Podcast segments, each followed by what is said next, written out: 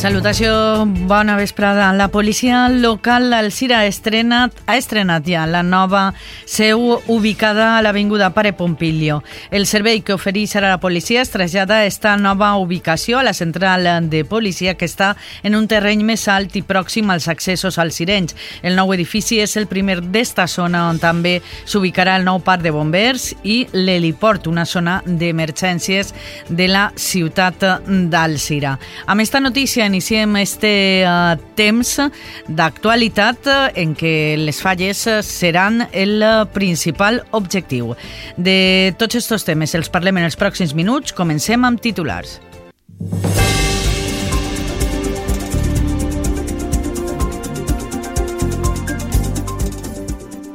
El Col·legi d'Advocats d'Alcira reclama solucions davant el col·lapse creat als xutxats per la vaga de lletrats. L'Associació Valenciana d'Agricultors alerta de l'entrada d'una nova plaga des de Sud-àfrica que pot afectar els cítrics. El restaurant Picanterra de Cullera guanya el primer premi del concurs d'Espardenyà i l'Alcireny Bendit Estapàs es queda amb un tercer premi. La Falla Hernán Cortés, primer premi d'una cavalcada multicolor on no es podia veure alcohol. Pirotècnia Valenciana obre avui les mascletaes amb 70 quilos de pólvora. En temps eh, d'esport, altres són les notícies. Les avança David Jordà. Parlarem eh, d'un cap de setmana amb més ombres que llums a nivell eh, esportiu en quant als equips, com ha sigut el cas de la Unió Esportiva Alcira, que va perdre per 4 gols a 0 a Formentera.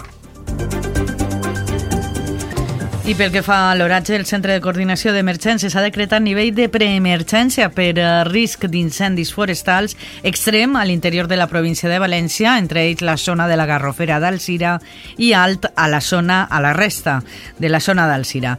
Les temperatures fregant els 30 hores d'ara, 29 graus a l'exterior dels nostres estudis i mínimes que no han baixat dels 12 graus. Una i 33, comencem.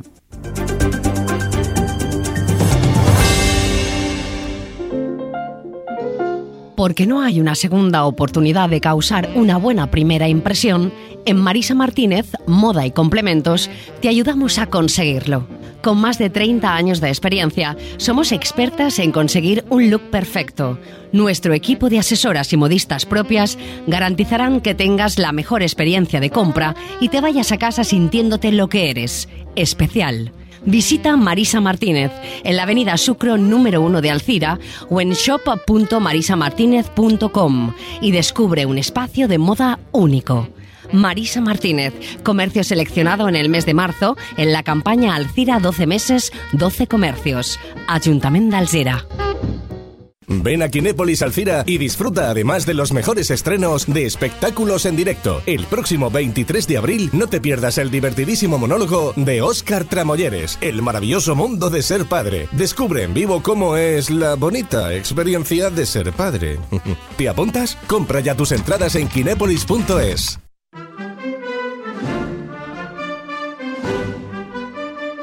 Del 13 al 19 de març, disfruta de les mascletaes a Alzira a la plaça del Regne a les 2 de la vesprada.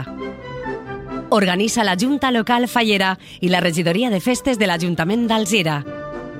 Col·labora Dixúquer i Family Cash.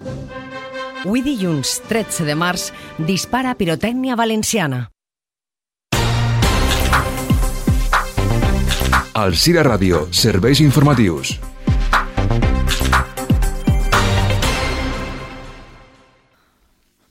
La policia local d'Alcira ja s'ha traslladat al nou edifici ubicat a l'Avinguda Pare Pompilio número 15. El nou edifici de la central de policia és el primer de l'àrea d'emergències projectada al barri de l'Alquerieta, on també està previst instal·lar l'heliport i el nou parc de bombers.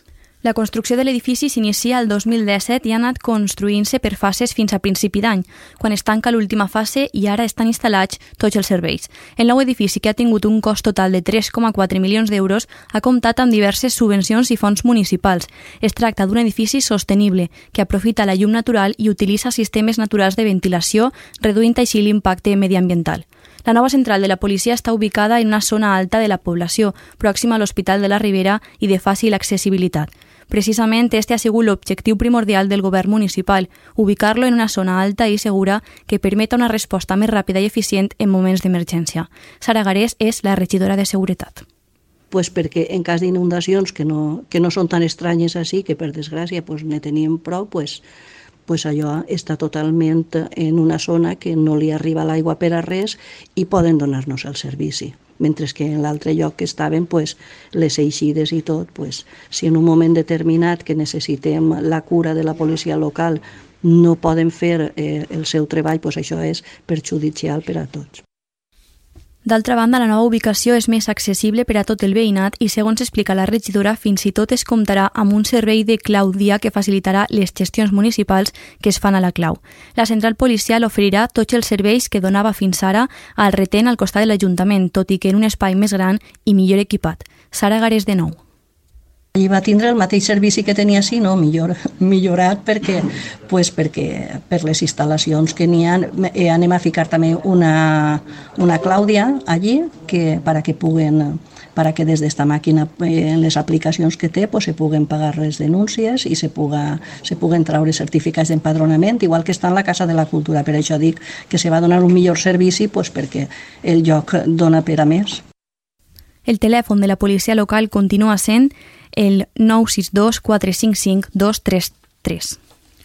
I parlem ara dels advocats i procuradors que s'han concentrat avui a les portes del Col·legi d'Advocats d'Alcira per a reclamar solucions a la vaga indefinida que mantenen els lletrats de l'administració de justícia i que dura ja més d'un mes. Consideren que s'estan violant els drets fonamentals de la ciutadania i que el Ministeri hauria d'actuar per desbloquejar la situació. Des del Col·legi d'Advocats d'Alcira entenen que el dret a la vaga està limitat per altres drets, com el de la tutela judicial efectiva. A hores d'ara, el CIRA compta amb un 100% de seguiment de la vaga, per la qual cosa l'activitat està paralitzada totalment als xutxats. Els serveis mínims contemplen casos de violència de gènere, pensions alimentàries en menors o bodes civils. Agustín Ferrer, degà del Col·legi d'Advocats del CIRA, explica que estan treballant per ampliar este catàleg de serveis mínims i insta el Ministeri a seure amb el comitè de vaga per desbloquejar la situació. L'escoltem. Algunos letrados sí parecen haber señalado ya procedimientos tan, tan importantes como los del 158, medidas cautelares en los que hay menores de edad.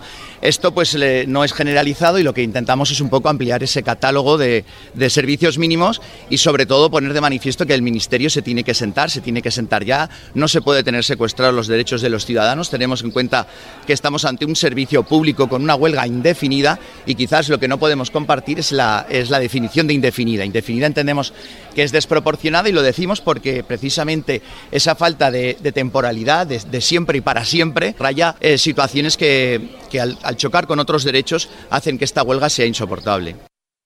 Pel que fa a la situació actual, el col·legi parla de milers de milions d'euros consignats a tota Espanya. Després de quasi dos mesos de paralització de l'activitat judicial, el Col·legi d'Advocats del CIRA espera un imminent caos judicial. Agustín Ferrer explicava que és necessari un pla. L'escoltem. Personas que se hayan acercado aquí a, justicia, al Palacio de Justicia, van a haber visto como no han hecho su juicio, eso ya es un perjuicio, peritos, testigos, partes, pero el problema es mucho mayor, el problema es que estaríamos hablando ya, vamos para dos meses prácticamente seguro de paralización. Y eso llevará sin duda a un caos judicial, porque ese trabajo se tiene que sacar. Tenemos en cuenta que dos meses en un sistema como el judicial, que de por sí ya es lento, cualquiera que tenga un juicio sabe para las fechas que le están señalando, esa parálisis nos va a llevar a más tiempo todavía. Y por tanto nosotros creemos que hay que también hacer desde el Ministerio un plan ya, efectivamente ya ahora, de cómo superar eso.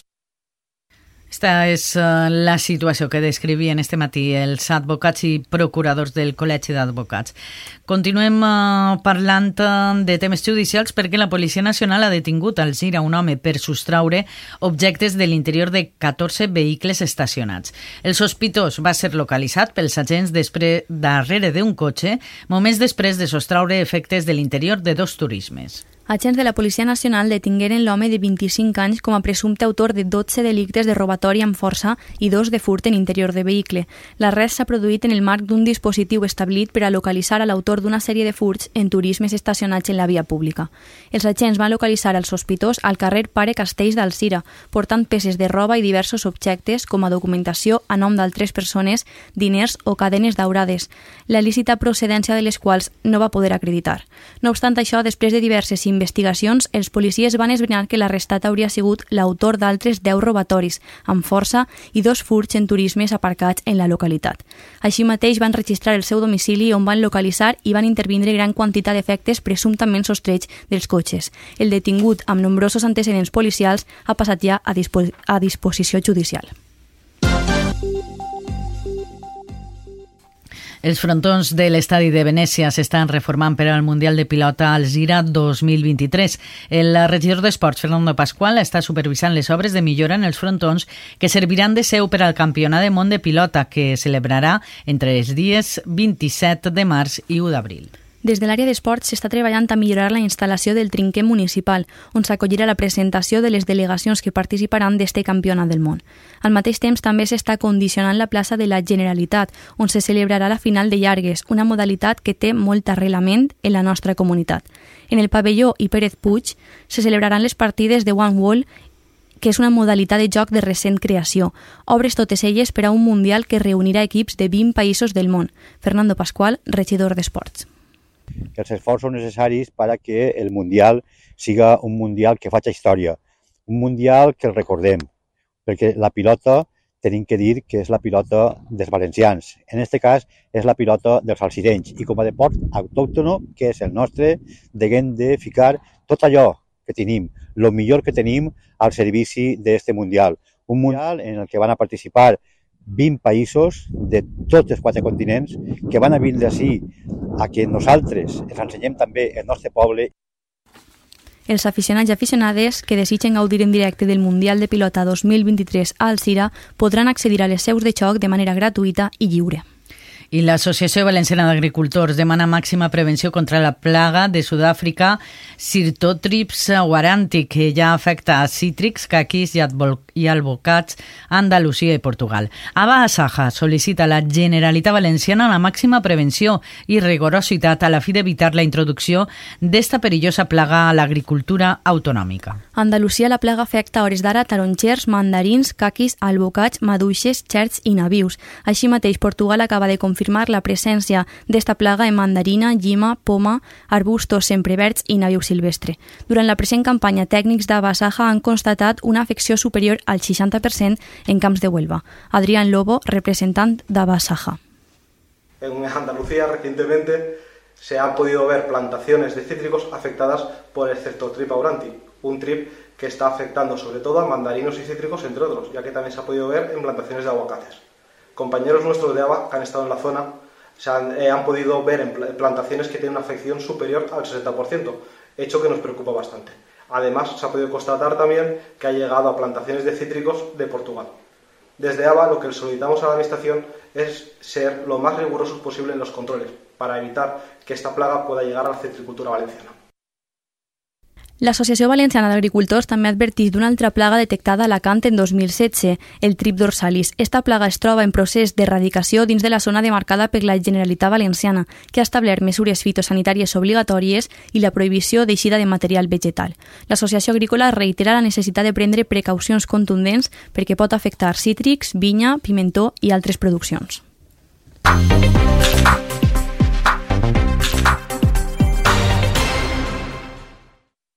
En Alcira, en este gran concurs internacional d'Espardenyà 2023, donarà el premi el alcalde Diego és per a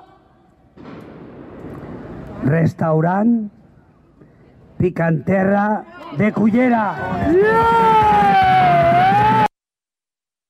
Pues escoltàvem uh, com el restaurant Picanterra aconseguia així el primer premi del concurs de l'Espardenya, que va reunir al Cira Air 30 restauradors de tota la comunitat valenciana i més de 25 associacions que també hi participaren en la festa fent la seva espardenya. Des de les 10 del matí, la plaça del Regne d'Alcira es va convertir en la cuina dels restaurants, entre ells set restaurants alcirenys, que cuinaren una espardenya de 15 racions amb els ingredients aportats per l'organització. Enguany, en la nòmina de guanyadors també hi havia cuiners alcirenys. El primer premi de 3.000 euros va ser per al restaurant Picanterra de l'Estany de Cullera, que ja comptava amb el tercer premi l'any passat. El segon premi de 1.500 euros per al sitio Arroceria de Quart de Poblet i el tercer premi es queda al Cira. El bar Benditas Tapas aconseguia un tercer premi valorat en 1.000 euros. El jurat, format per diversos restauradors i organitzadors de l'esdeveniment, va estar presidit per la restauradora del Caramelito, Vicky Saez. I més premis este cap de setmana, el de la cavalcada multicolor, una cavalcada que desfila pels carrers d'Alzira amb les seues disfresses i coreografies i sense permetre l'alcohol durant la desfilada. La falla Hernán Cortés aconseguia el primer premi. El segon premi ha estat per a la lluminositat de les disfresses de la comissió Albuixarres Camifondo. El tercer per a Anna Sanchís, mentre la falla Plaça Germanies ha aconseguit el quart, Sants Patrons el cinquè i Tulella Avinguda el sisè premi. El regidor de festes Xavier Pérez valorava la gran qualitat de les disfresses i el civisme de les comissions en una cavalcada sense alcohol. Perquè la cavalcada va estar... A mi m'agrada moltíssim, tant pel nivell que, que quan se va acabar no n'hi havia un got en terra, que això és molt important, que la Sí. gent Uh -huh. agarra el civisme de, de no veure la cabalgata, a mi em pareix un encert. Felicitar a totes les comissions, a la Junta Local Fallera i a tots els participants. L'oratge. Comencem la setmana sota el domini de l'anticicló que es troba al sud-oest de la península, la qual cosa ens assegura una jornada molt assolellada amb pas de núvols alts per tot el territori. Les temperatures pugen en gran part de la comunitat, deixant-nos un ambient bastant estiuenc, amb valors que ronden els eh, 30 graus, tornarem a tindre vent de ponent, que bufarà puntualment fort a partir del migdia, en ratxes que poden superar els 60-70 km per hora. Demà tornarem a tindre una jornada amb bastant sol i pas d'alguns núvols alts, més abundants de cara a la vesprada, amb temperatures que descendiran de manera molt notable gràcies a l'arribada d'una vaguada d'aire fred pel nord de la península, deixant-nos uns valors màxims a l'interior entre 17 i 22 graus i al litoral prop dels 22-24. El vent de mestral bufarà amb força durant la matinada i primeres hores del matí, amb ratxes que superaran els 50-60 km per hora, més intens a l'interior de Castelló i després la resta del dia serà més fluix, encara amb algunes ratxes puntualment moderades que podran superar els 45 km per hora.